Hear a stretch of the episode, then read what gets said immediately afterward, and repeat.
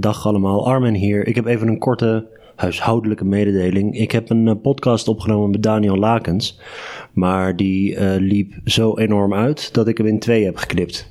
Ik vond het zonde om uh, stukken weg te gooien of te deleten, dus vandaag volgt deel 1. Daarin hebben we het onder andere over nou Diederik Stapel, daar beginnen we mee. En vervolgens hebben we het over het ontstaan van de replicatiebeweging in de psychologische wetenschap. We hebben het ook nog over p-waardes en p-hacking en dat soort, uh, en dat soort onderwerpen. In deel 2 gaan we wat dieper in op Daniels eigen, uh, eigen positie binnen die replicatiebeweging en hoe hij er mee is begonnen. En um, hebben we ook nog een hele discussie over onderzoeksfinanciering en hoe onderzoeksgelden momenteel worden verdeeld en of dat eventueel beter zou kunnen. Dus dat is in deel 2. Veel plezier met uh, Daniel Lakens.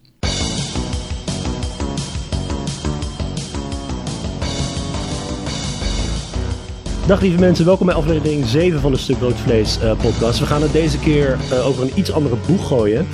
Uh, iets minder over politiek en iets meer over, uh, over wetenschap en metawetenschap. En ik heb er eigenlijk ontzettend veel zin in.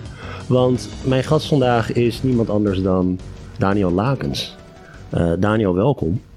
ik ga je introduceren, hoewel het erg moeilijk is, omdat ik... Um, ik zat een beetje op je website te kijken om een introtekstje te schrijven. En mm God, er staat een hoop op. Maar uh, ik ga het proberen. Uh, okay. uh, Daniel is universitair docent toegepaste cognitieve psychologie aan de TU Eindhoven.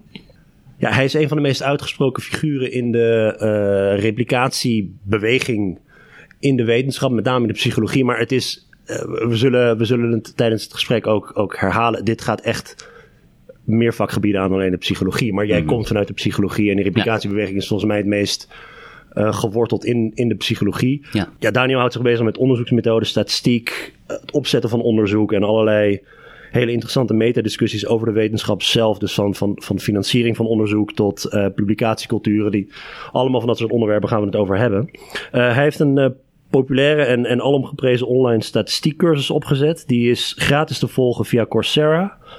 Uh, hij schrijft regelmatig op zijn eigen blog The 20% Statistician. En hij heeft vorig jaar een videobeurs uh, van 8 ton van uh, NWO bemachtigd over het ontwikkelen van replicatieonderzoek. Als u ook maar rakelings geïnteresseerd bent in statistiek, dan moet u hem volgen op Twitter. Dat, dat, dat is echt een bindende volgtip. Lakens. Ik heb de afgelopen jaren, ik denk dat ik je een jaar of vijf of zo volg op Twitter, vijf, zes. Hmm. Ik heb ontzettend veel gehad aan uh, niet alleen jouw eigen tweets, maar ook, ook de, de linkjes die je verspreidt, retweets van anderen. Um, uh, het is zo'n Twitter-account dat. Um, als u geïnteresseerd bent in, in stomme grapjes en, en clipjes en zo, dan moet u mij volgen, niet Daniel. Daniel die twittert Daar, over... Daarom volg ik jou. Ja, daarom volg ik ja. Um, ik zal zoals altijd op stuk rood vlees linkjes plaatsen over de studies en de stukken uh, ja, die aan de orde komen tijdens ons gesprek. Laat ik even zeggen, uh, de Groene Amsterdammer die had vorig jaar een, een mooie reeks door uh, Job de Vriezen over wetenschaps, um, niet alleen wetenschapsfraude, maar ook, maar, ook, maar ook die replicatiebeweging waar ik het over had. En ik kan, ik kan zijn stukken erg aanbevelen, maar ik zal ook wat andere linkjes plaatsen.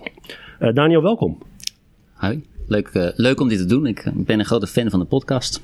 En uh, leuk om je ook in het echt te ontmoeten. Uh, Zeker. Ik ben, ik ben, er speciaal voor naar Rotterdam gereisd. Uh, laten we even teruggaan in de tijd. Ongeveer een jaartje of vijf terug. Um, toen hadden we op Twitter hadden we een beetje onze eerste... Of een van onze eerste interacties. Weet je nog waar dat over ging?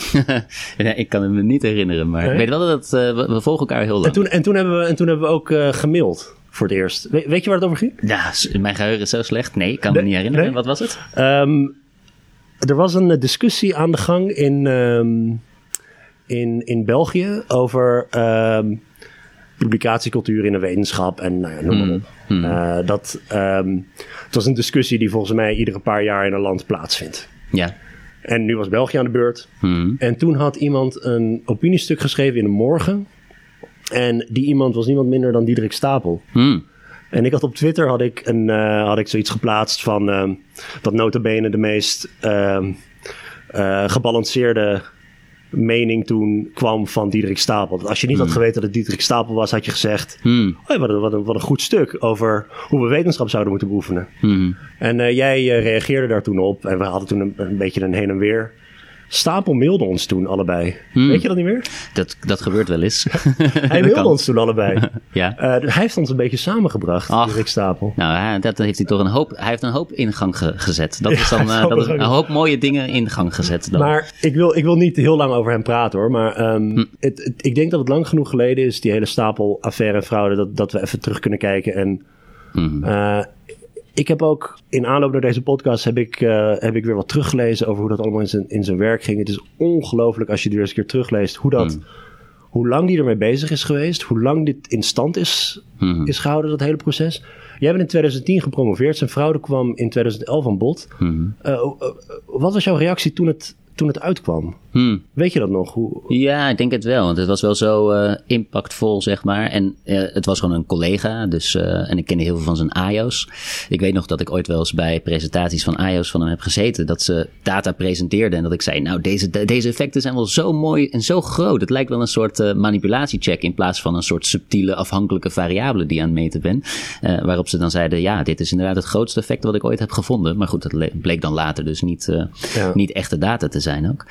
Ehm, dus ja, dat hakte er op zich wel in. Vooral ehm, denk ik heel emotioneel. Dat je denkt van nou, hoe kan iemand die zo dichtbij je staat dat nou gedaan hebben? Wat op zich logisch is, denk ik, als iemand eh, ja, je zo voor de gek houdt die je een beetje kent. Dat kan op allerlei gebieden gebeuren.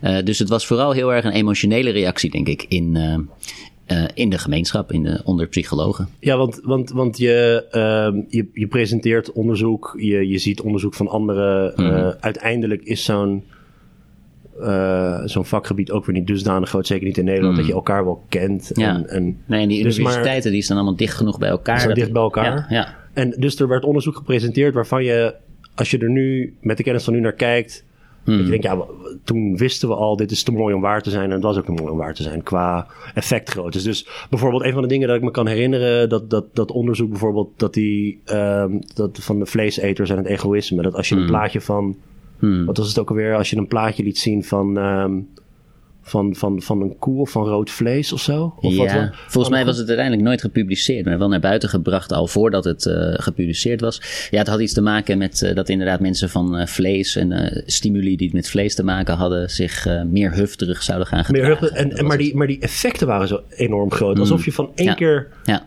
één keer naar een plaatje kijken. Ja. Je, precies. complete, je, je, ja, ja, je, je complete karakter eigenlijk verandert. En het, het, zijn, het zijn dat soort grote effecten die eh, eigenlijk veel eerder argwaan hadden moeten wekken. precies. Ik denk het wel, ja. Toen werd het juist gezien als iets moois. Zo van, nou, hier heb je wat aan. Hier kan je dus wat mee doen. Want die effecten, die, eh, die hakken er nogal in. Dus dan kan je dat gebruiken ergens voor. En nu denk ik dat we steeds meer inderdaad denken... Alle, allemaal dingen waarvan we dachten, dat is eigenlijk mooi. Als je er naar terugkijkt, denk je... nee, dat, zijn meer, dat is meer een rode vlag dan, eh, dan dat het goed is. En mensen zijn nu heel erg bezig om ja, zichzelf te trainen... in het beter herkennen van die dingen. Dus het begrijpen van wat er nou precies gebeurt. Wat, ja, wat nog niet zo makkelijk is. Ja. En is het, eh, heeft hij een rol gespeeld in het, in het aanjagen van die replicatiebeweging? Hmm. Of, is het zo dat, of is het zo dat die beweging eigenlijk al in gang was gezet en misschien versneld is door Stapel? Maar ik, het, het- in, mijn, in mijn geheugen, wat ook niet eh, meer is wat het geweest is, Hmm. leek het alsof Stapel kwam naar buiten en ineens kwam er zo'n zo'n zo'n beweging om eh, strenger te kijken naar, naar exper- experimenten. Ik denk dat, zoals ik het zelf zeg maar zie, is dat het vooral de emotie ehm, eh, ja, aanzwengelde, zeg maar. Maar daarvoor waren er al een paar rationele argumenten om er misschien wat aan te doen. Ja. Maar, maar voor gedragsverandering heb je allebei de, de dingen nodig. Dus je moet weten van ja, dit is belangrijk en ik begrijp dat het belangrijk is. En je moet ook die emotionele, dat gevoel hebben van en nu gaan we er ook wat aan doen. Ja. Ehm, en die rationele kant was daarvoor eigenlijk al. Dat was ietsje voor de fraude van eh, Stapel. Was er onderzoek naar ja, van eh, parapsychologen. Iemand die had een paper gepubliceerd met negen studies. waarin hij liet zien dat mensen zogenaamd de toekomst zouden kunnen voorspellen. door hele traditionele experimenten uit te voeren. maar ze eigenlijk om te draaien. Dus in plaats van dat je al een plaatje zag. En dan op een knop ging drukken van nou dit plaatje is eh, positief of negatief. eh, moesten mensen eerst een soort keuze maken. En pas daarna ging de computer dan kiezen welk plaatje er zou worden getoond. En eh, dat waren negen studies. En toen heeft de editor van een toptijdschrift in de psychologie, die heeft dat geaccepteerd en gezegd van ja, ik zou niet weten waarom ik dit af moet wijzen. Want dit voldoet eigenlijk gewoon aan alle eisen die we ook stellen voor andere papers. Dus ja, ik kan wel zeggen van dit gaat over iets wat ik heel vreemd vind. Maar verder voldoet het aan alle regeltjes die we aan het volgen zijn. En nou ja, daarna hadden mensen dus twee, twee mogelijkheden. De ene was of je gaat geloven in uh, parapsychologie, dat we de toekomst kunnen voorspellen. Of je gaat eens nadenken, nou misschien zijn die regeltjes die we aan het gebruiken waren dan niet goed genoeg. Dat dit kan, want dit hoort gewoon niet te kunnen.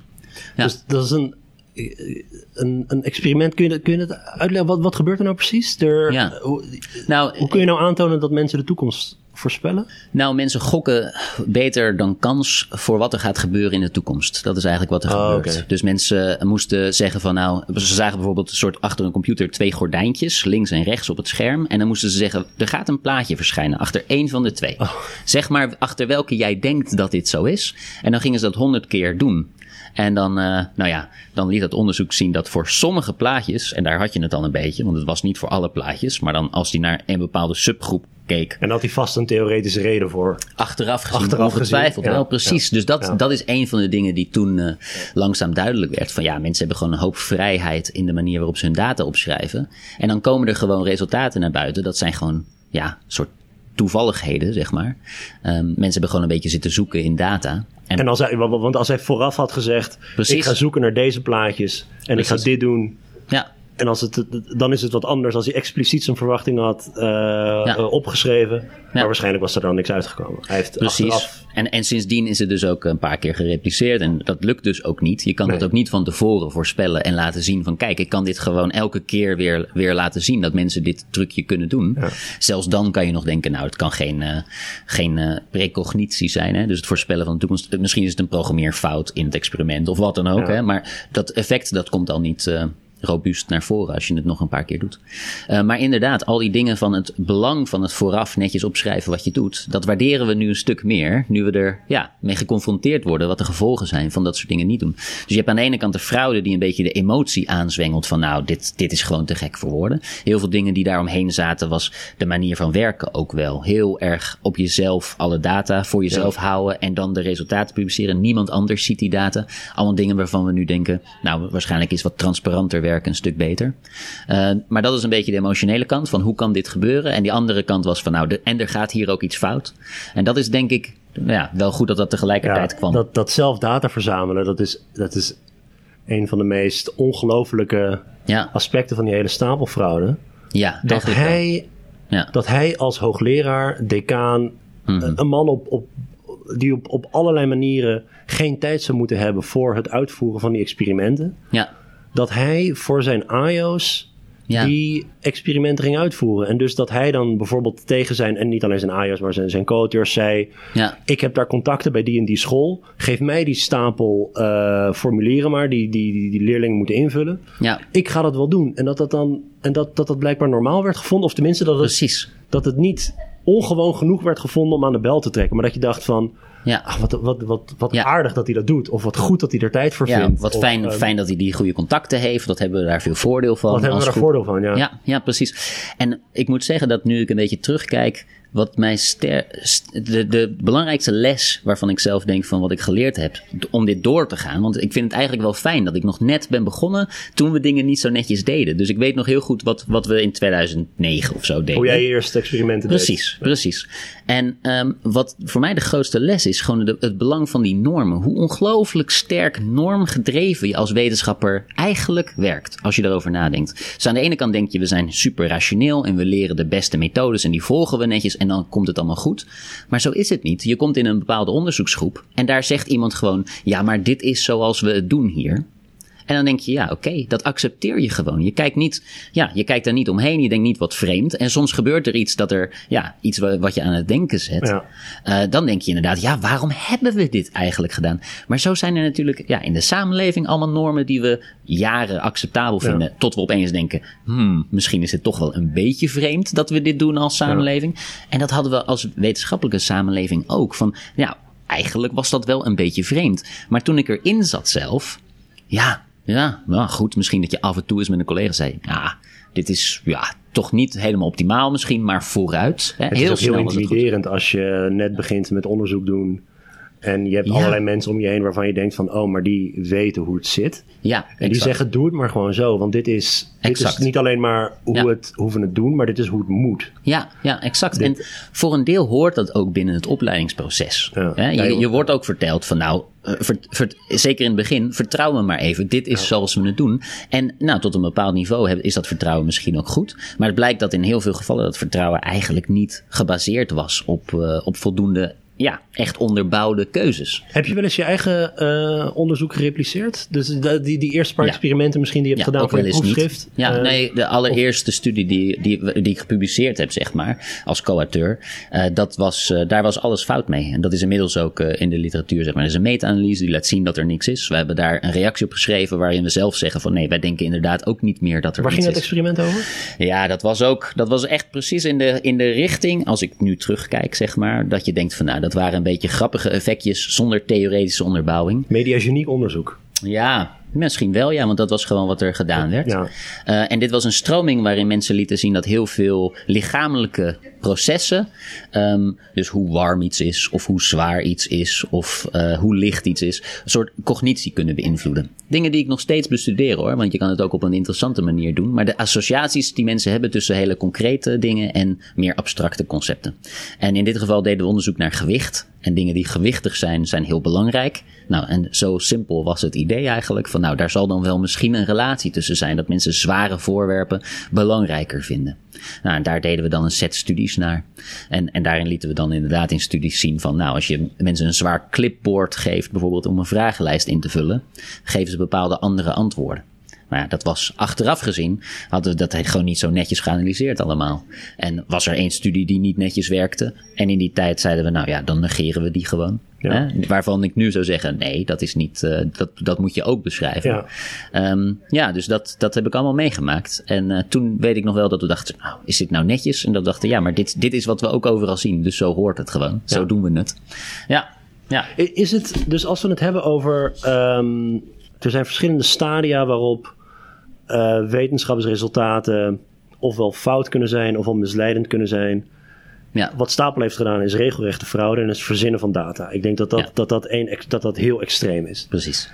Maar je hebt ook minder extreme versies ervan. Bijvoorbeeld, dus ja, wat je net zei, je doet een experiment, Mhm. maar er komt iets anders uit dan je dacht. Dus je schrijft er niet meer over. Ja, Of je doet een experiment en je blijft net zo lang de data analyseren totdat je wel iets vindt wat je denkt dat, dat het publiceren waard is. Hoe ja. is er een soort, heb je een soort schaal van, ehm, Mhm. ja, hoe, hoe moeten we dit beoordelen? Want het, het, de- Ja. de neiging is om het allemaal onder fraude Hmm. te, te klassificeren, maar dat is het natuurlijk niet. Je kunt ook mensen hebben die met de beste bedoelingen van de wereld bijvoorbeeld simpelweg te weinig van statistiek weten bijvoorbeeld om, om een goed experiment uit te voeren. Niet dat dat Ja, een, een, een, een excuus is, maar dat is iets anders ja. eh, als het werk van dat soort mensen bijvoorbeeld wordt verbeterd Ja. in toekomstig onderzoek dan, ehm, dan regelrechte wetenschapsfraude. Hoe, hoe, denk, hoe, hoe, hoe denk jij erover na? Over die, Mhm. over laten we zeggen, die schaal van, van wetenschapsintegriteit en, en Ja, dus ik denk dat het, het is ook iets wat volgens mij heel erg, onder, eh, eh, heel erg afhankelijk is van normen. Dus wat we nu zeggen van nou, dit is toch acceptabel, want wat kunnen we daaraan doen? eh, is misschien iets waar we over twintig jaar van terugkijken en zeggen het was ongelooflijk dat we dat gewoon acceptabel vonden. toen. ja, En nu zitten we bijvoorbeeld. Nou, kijk, fraude is duidelijk. Je maakt zelf data aan die nergens op gebaseerd is. Het, het duidelijke daarvan is dat dat moedwillig gebeurt. Ja. Dus het is zeg maar met voorbedachte raden, zou je kunnen zeggen. En we hebben ook wel situaties waarin je dacht van, ja, met, door gro- grote nalatigheid. Hè? In, in het, het strafrecht kan je ook iemand eh, vermoorden. Nou, niet vermoorden, maar door grote nalatigheid hè, kan er ook iemand overlijden. Ja. En dat zien we anders, want het was niet met voorbedachte raden. Dus wij, wij hebben zeker situaties waar we door middel van grote nalatigheid zorgen dat data slordig is en dat resultaten niet betrouwbaar zijn. Ehm, en dat vinden we nu, ja, acceptabel. Want we leven in een bepaalde wetenschap waar mensen opgeleid zijn tot een bepaald niveau en sommige dingen gewoon niet zo goed weten. En dat weten we al jaren, dat mensen sommige dingen niet zo goed weten. Dat mensen niet zo goed zijn in statistiek, weten we al 50 jaar. Dat is niet veranderd, um, niet verbeterd ook. Maar nu langzaam denken we wel, nou sommige dingen moeten gewoon onderwezen worden. Dat dat niet kan. Dat als jij in data gaat zitten graven, dat er een hele grote kans is dat je gewoon toevalstreffers gaat ontdekken. Die moet jij niet presenteren als betrouwbaar. Want dat weet je helemaal niet hoe betrouwbaar ze zijn. Nou, ik zou zeggen dat dat tegenwoordig al niet meer zo acceptabel is. Dus daar zie je al dat in tien jaar of zo, dat er gewoon een verschuiving is van die normen. Van wat vinden we, wat vinden we nog uh, ja, je wist niet beter. Nu zou je bijna zeggen, nou, dit is echt wel nalatigheid. Want je had de afgelopen had tien jaar. Weten. Je had zeker de afgelopen tien jaar even, even moeten bijlezen over dit soort dingen. Nu vind ik het bijna al nalatig als je dat nog steeds doet zonder jezelf uh, inmiddels beter opgeleid te hebben, zeg maar. Um, en dan heb je nog aan de andere kant wat je noemde: het niet publiceren van niet significante resultaten. Dat gebeurt op enorme schaal. Als je naar de literatuur kijkt, is in heel veel vakgebieden 90% van de conclusies die werken. Die werken zoals voorspeld. Dus wij delen alleen, maar niet 100% van de onderzoeken die we doen werkt zoals we voorspellen. Dat zou heel mooi zijn, maar dat is niet zo. Ik bedoel, ik heb een hoop goede ideeën, maar hè, de kans dat je boven de 50% zit, dan doe je of heel erg saai voorspelbaar onderzoek. Hè? Dus er hoort een hoop niet te werken. Nu vinden we dat ook nog eigenlijk heel acceptabel dat het niet gedeeld wordt. Want waar zouden we dat moeten delen? Er zijn geen plekken voor. Iedereen houdt die resultaten gewoon achter, zeg maar. Maar als je er op een hele objectieve manier naar kijkt, of je vraagt het gewoon aan iemand op straat die niet al tien jaar in de wetenschap heeft gewerkt. Zo van dit gebeurt. En dat is ook gedaan trouwens. Er zijn hele leuke onderzoeken in uh, Amerika, waarin ze vragen: oké, een onderzoeker um, uh, publiceert alleen maar onderzoek wat de hypotheses ondersteunt die hij had. Wat vindt u hiervan? Dan zeggen ze, nou, dat lijkt me duidelijk, die persoon moet ontslagen worden. Hè? Dat is wat een objectieve buitenstaander vindt van wat wij doen. Dus als jij naar die resultaten kijkt en dan vraag je met collega's van wat doen wij precies? We doen precies dat. Ja. Niemand in de wetenschap vindt dat wij ontslagen moeten worden. Nou, daar zit gewoon een duidelijke spanning. En volgens mij leidt dat ertoe dat we over twintig jaar wel denken. Dat is ongelooflijk. Dat, we, dat hoop ik heel erg als dat 20 jaar zou zijn. Ik bedoel, dat klinkt lang, maar er moet nogal wat gebeuren. Ja. Maar dit, ik, heel vaak op praatjes, zeker voor jonge onderzoekers, zeg ik over dat publicatiebias, wat echt een enorm groot probleem is. Het verspilt heel veel resources en het maakt de conclusies heel onduidelijk die we publiceren. Want we weten gewoon niet of er nog tien andere studies gedaan werden die niks lieten zien. Hè? Dus dat is echt een groot probleem. En ik zeg heel vaak tegen jonge, jonge onderzoekers van nou jongens, als we dit gewoon kunnen oplossen voordat we doodgaan, dan hebben we waarschijnlijk de grootste bijdrage aan de wetenschap geleverd die we kunnen doen. Je kan ook gewoon tegelijkertijd inhoudelijk onderzoek doen, maar daarnaast, als jij gewoon netjes alles publiceert en alles deelt en die publicatiebias oplost, dat is waarschijnlijk de grootste bijdrage die we kunnen doen aan het verbeteren van de wetenschap. Ja, dus een van de uh, nou, publicatiebias, zoals ik het begrijp, is um, dus, dus, dus, er worden allerlei studies gedaan. Op ieder moment, op ieder moment van de dag zit er wel ergens iemand een studie uit, uit te voeren. Of het nou een experiment is of, of maakt niet uit wat. Ja. Um, maar een kleine fractie van die onderzoeken die wordt gedaan, wordt gepubliceerd. En wat wordt gepubliceerd? Het is niet alsof we loten uit die pool van onderzoeken die wordt gedaan. En wat gepubliceerd wordt is een random subset van, van alle studies. Nee, het is een heel bepaald, bepaald soort studie dat wel wordt gepubliceerd. Waardoor je als gemeenschap, uh, als wetenschappelijk gemeenschap, maar ook als, als, als, als maatschappij, een heel vertekend beeld krijgt over een onderwerp. Precies. Um, Dit is echt het gevolg van, zeg maar, als, als je in de krant leest van uh, chocola eten, daarvan uh, val je af. Ja. Ja, dan is er misschien één van de veertig studies waarin mensen toevallig gekeken hebben naar het gewicht van mensen en hoeveel chocola ze eten. Nou, één van de veertig of één van de honderd liet toevallig net een bepaalde associatie zien tussen die twee dingen. Dat wordt gepubliceerd en dat komt natuurlijk in de krant, want kranten vinden dat heerlijk, zo'n soort resultaat. Ja. Maar ja, dat was een van de honderd studies. Dat, dat slaat verder nergens op. Dat was gewoon een toevalstreffer. Uh, en de vraag is hoeveel van de literatuur vol zit met dat soort toevalstreffers. En hoeveel wel netjes betrouwbaar is. Het gekke is, ik heb, uh, ik heb zelf ook uh, jarenlang statistiekonderwijs gegeven. Um, en dit zijn eerstejaars, tweedejaars studenten die misschien een onderzoekje moeten uitvoeren uh, mm -hmm. voor, voor, een, voor, een, voor een paper of zelfs voor scripties. En ik verbaas me erover. Ik heb het eigenlijk nooit met ze over dit soort discussies over publicatiebias en zo. Het is een introvak statistiek. Ja. Maar het verbaast me toch hoe vaak dan bijvoorbeeld studenten bij een bespreking naar mij toe komen en zeggen: Ja, ik heb helaas geen significante resultaten gevonden. Ja, En eh, het zit er een soort van ingebakken bijna. ja. Eh, Zonder dat ik het heb verteld. Van je moet significante resultaten vinden. Mhm. Maar ehm, hè, dus ik heb het allerlei analyses uitgevoerd. Of het nou een regressie is of een correlatie, of maakt niet uit.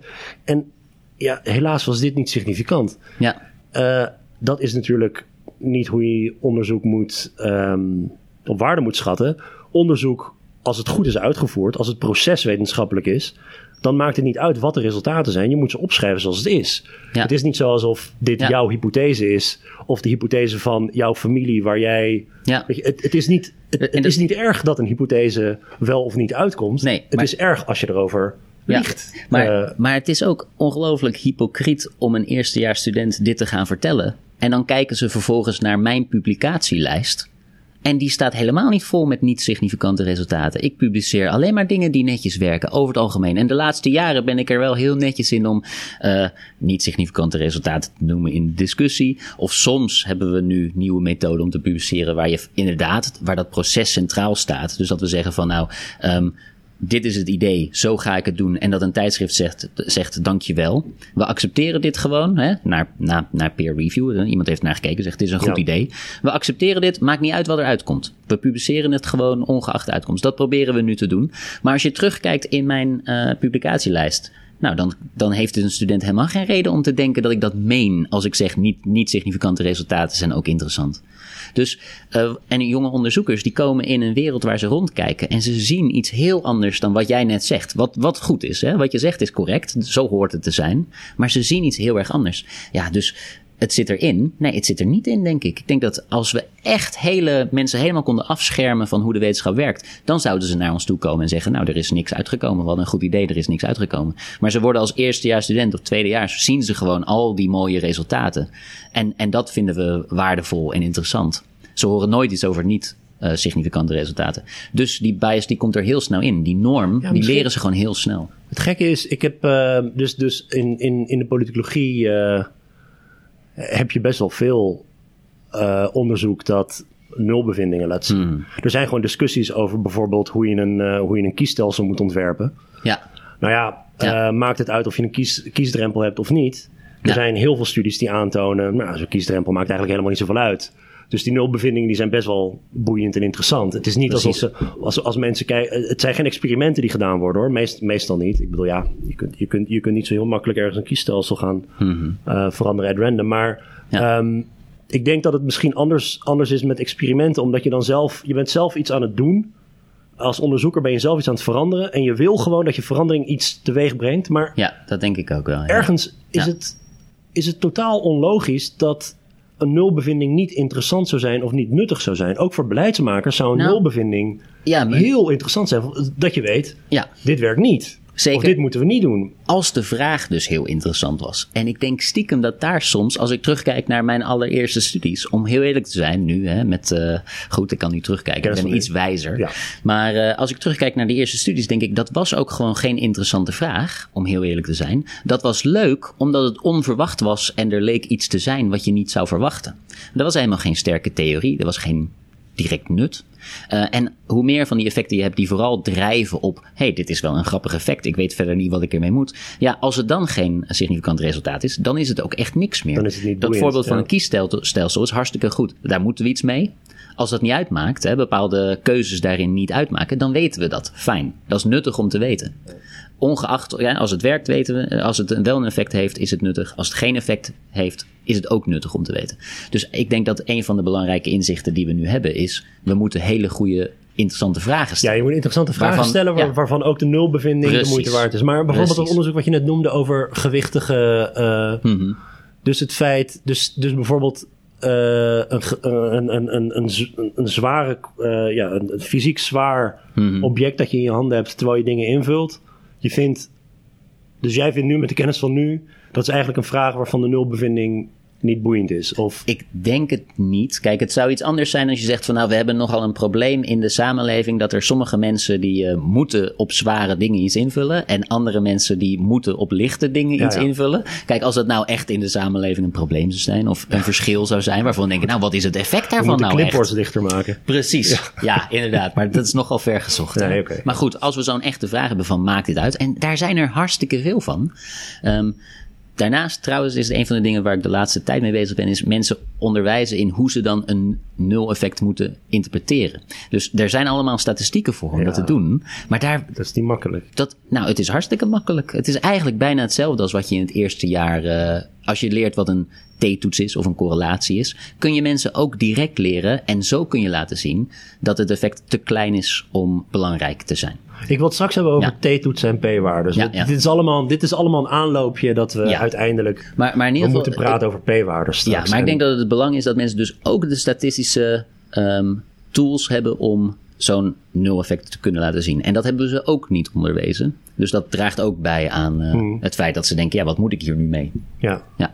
Ik wil nog één fraudezaak noemen hier die uit de politicologie komt. Want hmm.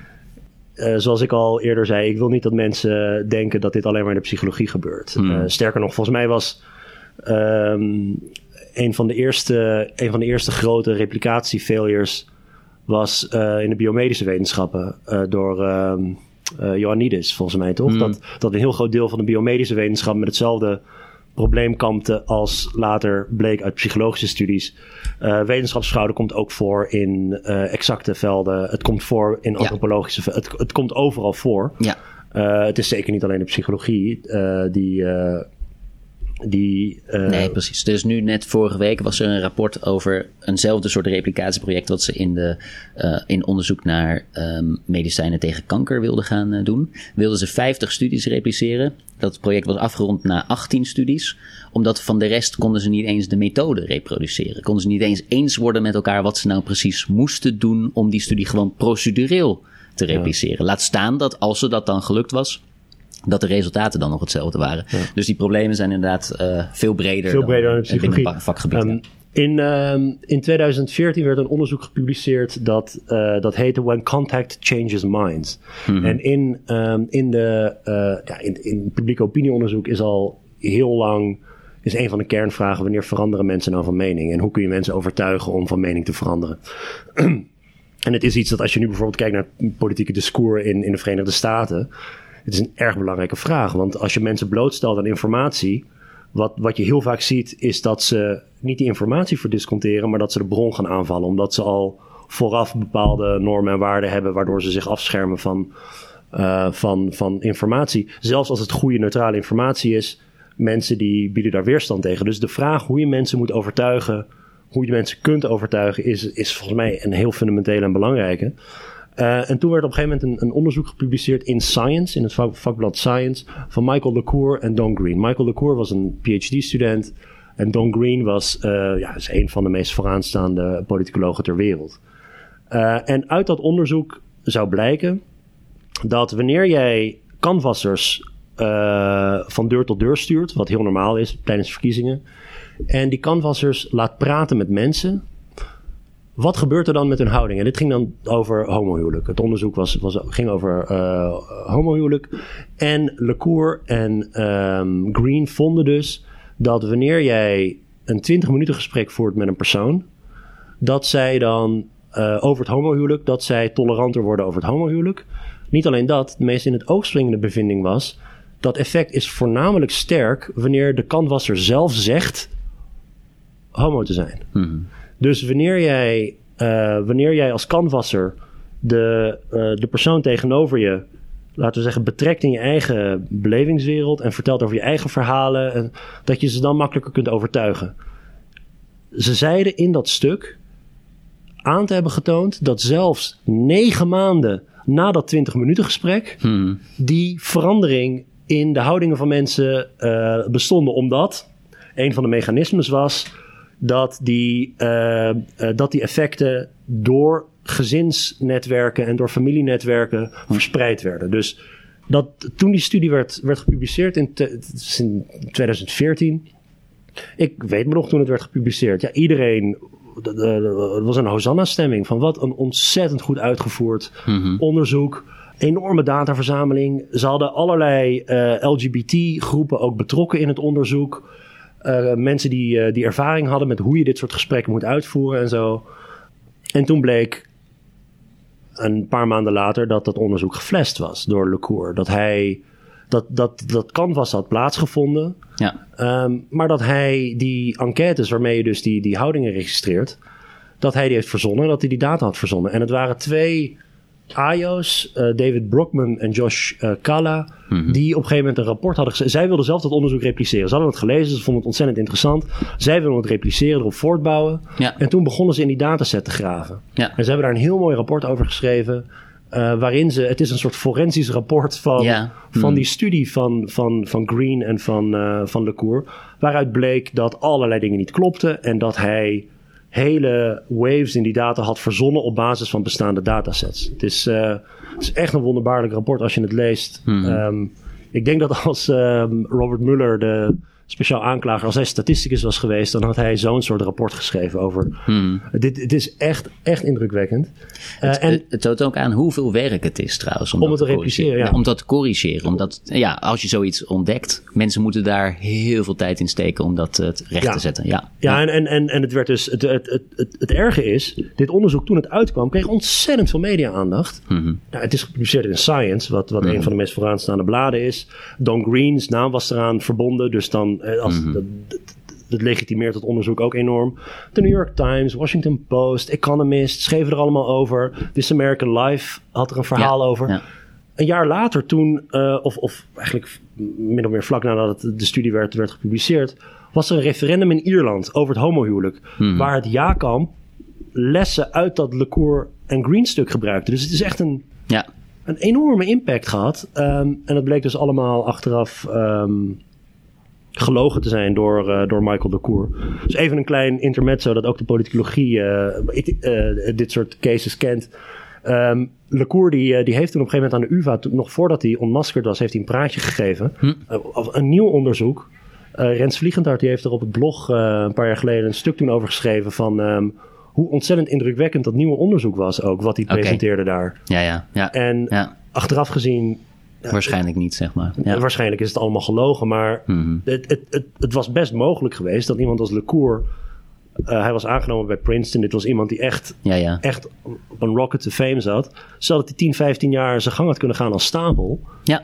Wat ik maar wil zeggen, dit, dit is volgens mij het meest, uh, het meest bekende voorbeeld in de politicologie. Maar dit, overal waar, waar mensen zelf data verzamelen, ligt, ligt dit probleem eigenlijk op de loer. Um, ja. Het is ook een van de redenen waarom jij pleit voor wetenschap als een uh, heel gemeenschappelijke, grootschalige onderneming waar heel veel mensen samen mm -hmm. dingen doen, toch? Je bent ja. heel erg tegen het beeld, clichébeeld van de wetenschapper als Ivoren Toren of iemand die op zijn eigen. Uh, uh, ja, nou ja, precies. Ik denk dat, dat dat werkte misschien tot een bepaalde in, in 1700 was dat hartstikke nuttig, want uh, dan kon je nog allerlei dingen in je eentje doen. Ik denk dat in heel veel uh, gebieden het inmiddels nodig is om gewoon op veel grotere schaal samen te werken.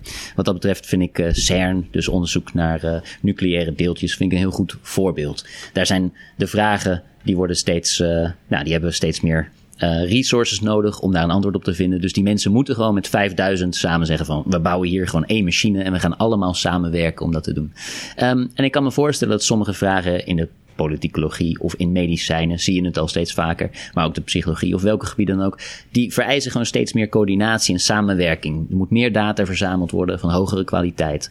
Um, dus ik denk dat het goed is. En hoe minder dan de persoonlijke betrokkenheid is. Zo van, nou, dit, dit onderzoek maakt mijn carrière direct ja of nee. Ja. Des te minder de uh, neiging er zal zijn om ja, een loopje te nemen met uh, de ethische regels, denk ik. Ja, ik wil daar later nog even over op, uh, op terugkomen. Omdat het spanningsveld is natuurlijk dat heel veel van de onderzoeksfinanciering persoonsgebonden is. Dus ja. dit, dit soort. Dit soort ja. De, de, prikkels die zijn, die zijn er niet om dit soort, uh, dit nee. soort zaken. In heel veel gebieden zijn eerste auteurspapers eerste heel belangrijk. Ja. Nou, dat is een beetje moeilijk als je met 80 mensen zeg Ja. maar iets hebt gedaan samen. Um, en dat, dat loopt nog niet in lijn. Dus ik denk dat inderdaad de beloningsstructuren niet in lijn uh, lopen met wat er nodig is om uh, kwalitatief de meest hoogstaande wetenschap te bedrijven. Ja. Hey, um, na Stapel er kwam op een gegeven moment kwamen er allerlei rapporten ook uit. Mensen die gingen graven in, in wat hij nou wel of niet had gedaan. Uh, er ontstonden toen eigenlijk twee kampen. Van, um, aan de ene kant had je mensen die zeiden... ja, hij is tegen de lamp gelopen. Het mm -hmm. proces heeft gewerkt. Mensen die zijn het gaan onderzoeken. Uh, ja. Die zijn er. Uh, de wetenschap heeft zichzelf gecorrigeerd. Het was niet een. Het was niet een journalist die erachter kwam. Of het was niet van, het was van binnenuit ja. dat, dat, uh, dat dit gebeurde. Anderen die zeiden van ja, nee, maar dit. hij heeft 15 jaar zijn gang kunnen laten gaan. Er is een heel systeem dat hem in stand heeft gehouden. Mm -hmm co-auteurs uh, die al dan niet nalatig, wat jij net noemde, nalatig zijn geweest. Uh, tijdschriften die alleen maar mediagenieke onderzoekjes publiceerden. Um, uh, ja. En jij zit, jij zit natuurlijk in het tweede kamp. Dat, ik bedoel, dit, dit, dit niet per se. Ik denk dat allebei die kampen hebben gewoon een goed punt. Want de wetenschap is uh, multifaceted, zeg maar. Er zitten gewoon verschillende kanten aan. Ik denk dat allebei die dingen tegelijkertijd waar zijn. Er is gewoon een deel van de wetenschap wat heel goed is in zichzelf corrigeren.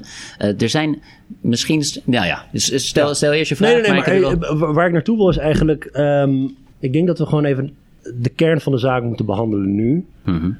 uh, namelijk dat hele idee van die p-hacking. Mm -hmm. Dit is een, uh, het is een technische term. Ik, we ontkomen er niet aan om even uit te leggen aan, aan de luisteraars.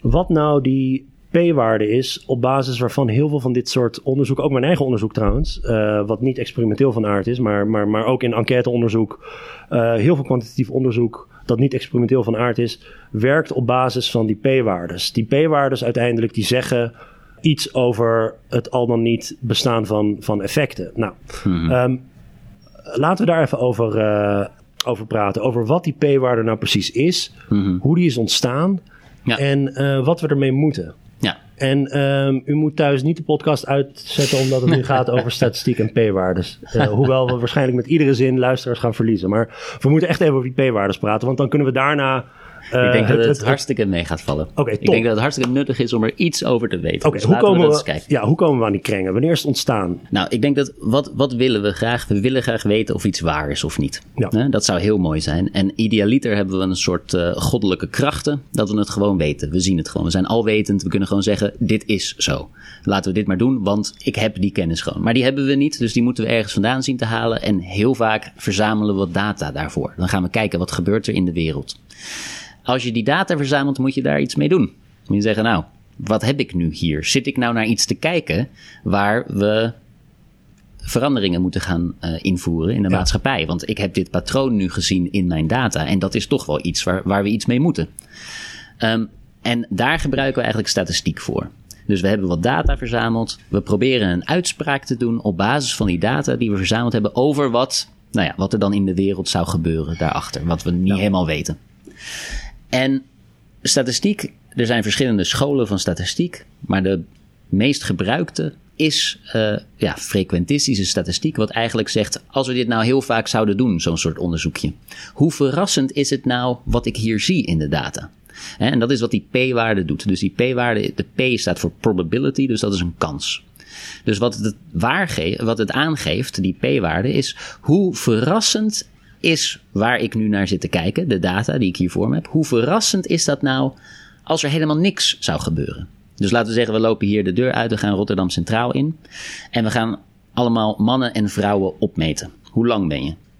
Dan hebben we, na 100 mensen of zo, hebben we gezien in die data dat het erop lijkt dat dames ietsje kleiner zijn dan mannen. En dan kunnen we zeggen, nou, laten we nou eens aannemen dat mannen en vrouwen even lang zijn. Hè? Dat is uh, één hypothese. Hoe verrassend is het dan dat ik hier zo in die data zie dat vrouwen veel kleiner zijn dan mannen, gemiddeld? En die kans dat je data vindt waarin vrouwen zoveel kleiner zijn dan mannen, dat is die p-waarde. Dus waar mensen heel vaak de fout in gaan, is dat ze hem gebruiken als een soort directe maat van: oh, nu is het waar, nu weet ik iets. Maar dat is niet zo. Het geeft een kans van, nou, wat is nou de kans dat je een paar vrouwen en mannen opmeet en je ziet dat die vrouwen kleiner zijn. Er zijn allerlei gevolgen van het niet goed begrijpen van die kans die je eigenlijk aan het berekenen bent. Ja, dus de correcte interpretatie is gewoon, dit is verrassend. Dat is een hele goede reactie als je een p-waarde berekent en die kans is heel klein. Maar ja? de kans, het is verrassend als je het afzet tegenover een situatie waarin je precies. Waar mannen en vrouwen even lang zijn. Dus, maar je, je hebt een, uh, wat dan de nulhypothese uh, wordt genoemd in de literatuur. Dus stel dat je nulhypothese is, mannen en vrouwen zijn even lang. Mm -hmm. Precies. We gaan naar Rotterdam Centraal, we, we, gaan, we gaan eens even meten. En we komen erachter dat uh, mannen gemiddeld genomen, weet ik veel, 10 centimeter langer zijn dan vrouwen of zo. er zit een bepaalde p-waarde aan vast hey, het is verrassend dat uh, uh, het is verrassend ten opzichte van de nulhypothese. Ja. Um, het is de, die, die terugkoppeling naar de nulhypothese die, ja. die zo aan de ene kant zo cruciaal is, want dat, dat is de basis waarop, waarop die hele p-waarde gesteund is. Het is cruciaal, maar aan de andere kant is het ook heel gek. Mm-hmm. Dat we ja. iedere keer maar beginnen vanuit ja. zo'n nulhypothese, toch? Ik bedoel, je moet wel wereldvreemd zijn om de nulhypothese te hebben dat mannen en vrouwen gemiddeld genomen even lang zijn. Ja, heel vaak gebruiken we die statistiek als het helemaal niet interessant is. Dus je kan inderdaad zeggen, uh, heel vaak is het idee van dat er geen verschillen zijn dat is sowieso al onwaarschijnlijk. Dus waarom zou je die vraag stellen? En, uh, maar helaas is die p-waarde in de literatuur zo belangrijk dat heel vaak mensen hem gewoon maar gaan berekenen. Voor dingen waar die niet zo relevant is. Uh, dus dat is een beetje een raar probleem. Het andere is ook dat als je hem vindt, dat je niet gelijk kan zeggen van nou, het is zo. Vrouwen zijn kleiner dan mannen. Uh, het kan ook zijn dat toevallig uh, het grote mannendag was op Rotterdam Centraal. Stel. Hè? Dus, dus de mensen die we daar gezien hebben, ja, dat, die, die mannen zijn inderdaad langer. Maar niet omdat mannen langer zijn dan vrouwen, maar omdat het grote mannendag was op Rotterdam Centraal. Um, een goed voorbeeld is die precognitiestudie waar ik het eerder over had. Stel dat je vindt dat, het, dat mensen heel erg goed zijn in het voorspellen van de toekomst, dan moet je zeggen, nou, dit is wel verrassend. Je hoeft niet te zeggen, nou, nu geloof ik dat mensen de toekomst kunnen voorspellen. Ik zou zelf zeggen, nou, ik denk dat er een programmeerfout in het experiment zit. Dus wat er precies aan de hand is, is een hele andere vraag dan is de data die ik hier zie verrassend. Dus je kan heel goed verrassende data hebben, maar dat zegt nog niks over wat, wat er waar is in de wereld.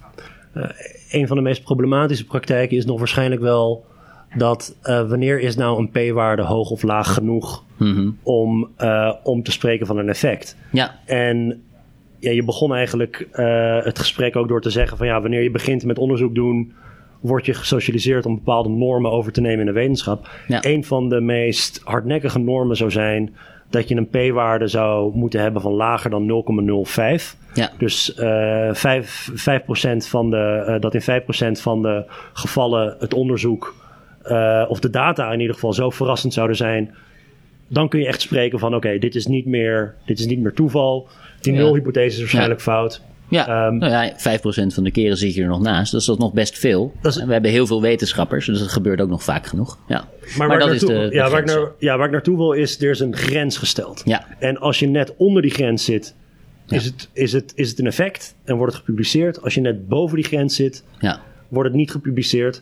Dus dat betekent dat, dat, heel, dat, dat er eigenlijk extreem sterke prikkels zijn om ervoor te zorgen dat je p-waarde onder die 0,05 zit. Precies. En dat is een praktijk die voor, voor mij als, als buitenstaander een beetje in die hele replicatiebeweging, maar Mhm. het, het, het manipuleren van die p-waarde, dat, dat schijnt een van de meest Ja. hardnekkige problemen te zijn, toch? En het heeft zelfs, heeft zelfs een naam, p-hacking. Ja. Dat je bijvoorbeeld, er zijn allerlei manieren om die p-waarde uiteindelijk naar beneden te krijgen. Ja. Maar het feit dat, je, dat er zo ontzettend veel waarde wordt gehecht aan die p-waarde en het feit dat je als onderzoeker heel, eigenlijk heel goed weet hoe je die p-waarde lager kunt krijgen, Mhm. zorgt ervoor dat mensen de boel een beetje zitten te flessen. Ja, dat zorgt ervoor dat we veel te vaak zo'n uitspraak doen van... hé, hey, dit is verrassend, als het helemaal niet verrassend, niet verrassend is. Dus stel dat we weer naar Rotterdam Centraal gaan... en we vragen niet alleen hoe lang ze zijn... maar ook wat de, wat de eerste letter is... wat hun favoriete getal is... eh, wat de kleur van hun sokken is. En zo hebben we nog honderd vragen. En dan zeggen we, hé, hey, dat is interessant... Eh, Mannen nemen vaker de, het linkerpoortje als ze door eh, het station gaan en vrouwen vaker het rechterpoortje. En dat is een van de honderd vragen die we gesteld hebben. Dat er een verschil is op een van die honderd vragen, dat is niet verrassend.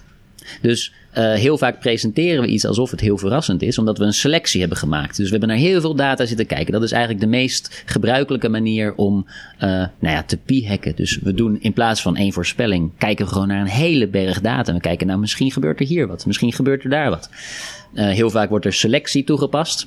Dus dan zeggen ze, nou, we vinden niet voor alle mannen. Maar het is wel heel vreemd dat jonge mannen vinden dit. Ja, goed, want dan heb je alle testen nog een keer kunnen doen. Zowel voor jonge als voor oudere personen. En dan vind je, vind je een verschil. Maar als je maar genoeg toetsen doet, dan is het bijna 100% zeker dat er wel ergens zo'n verschil gaat zijn. Dus dat is niet meer verrassend, maar omdat we dat proces niet laten zien en Ja. je leest dan iets in de literatuur, dan denk je, hé, hey, goh, er is hier iets.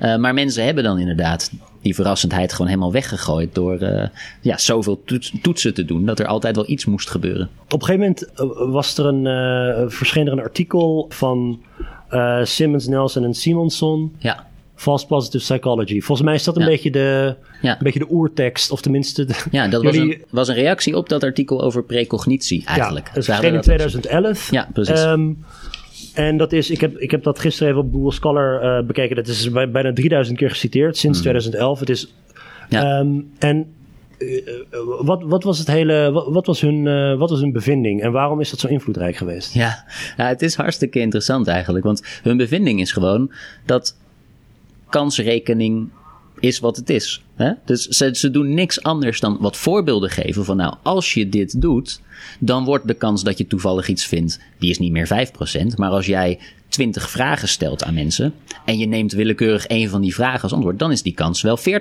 dat er iets gaat werken. En zo hadden ze een hele, eh, een aantal scenario's die heel realistisch waren, waarvan denk ik die impact komt vooral omdat mensen denken, ehm, maar dat doe ik ook echt. Ja. Oh jee. Dus ze beschrijven gewoon heel toegankelijk beschrijven ze wat je kan doen. Het is ook een geniaal geschreven artikel, moet ik zeggen. De presentatie is heel goed. Nou, ze beginnen met, ze presenteren een studie waarin ze zeggen van nou, we hebben mensen, we hebben manipulatie gedaan. Mensen luisterden naar het liedje When I'm 64 van de Beatles. Of ze luisterden naar een controleliedje. En we vinden in onze data dat de mensen die naar When I'm 64 hebben geluisterd, die zijn ouder geworden. Ja, oh ja. En dan denk je, nou, dat kan niet. En vervolgens presenteren ze nog een keer de hele studie. En daarin zeggen ze, nou, wat we eigenlijk gedaan hebben, is we hebben dit gemeten. En we hebben dit gemeten. En toen hebben we het zo geanalyseerd en zo geanalyseerd en zo. Dus ze beschrijven dat hele proces waarvan, denk ik, heel veel mensen dachten, dat is inderdaad nogal wat ik doe. En vervolgens zeggen ze, nou, en dan is het nogal logisch dat we 60% kans hebben om gewoon een significant resultaat uit de bus te toveren. Ja. Eh, en ik denk dat waarom het zoveel geciteerd is, is omdat het gewoon nu het artikel is om te zeggen: dit, dit proces is problematisch. Ehm, en het had zoveel impact, omdat het gewoon super duidelijk maakt aan mensen: kijk, dit is wat je doet en dit zijn de gevolgen. Wat je inderdaad in het eerste jaar in intro statistiek had uitgelegd kunnen krijgen. Dus het is niet alsof het heel moeilijk is om het te begrijpen. Het is meer dat inzicht dat je opeens denkt: oh jongens, dit hebben we gedaan.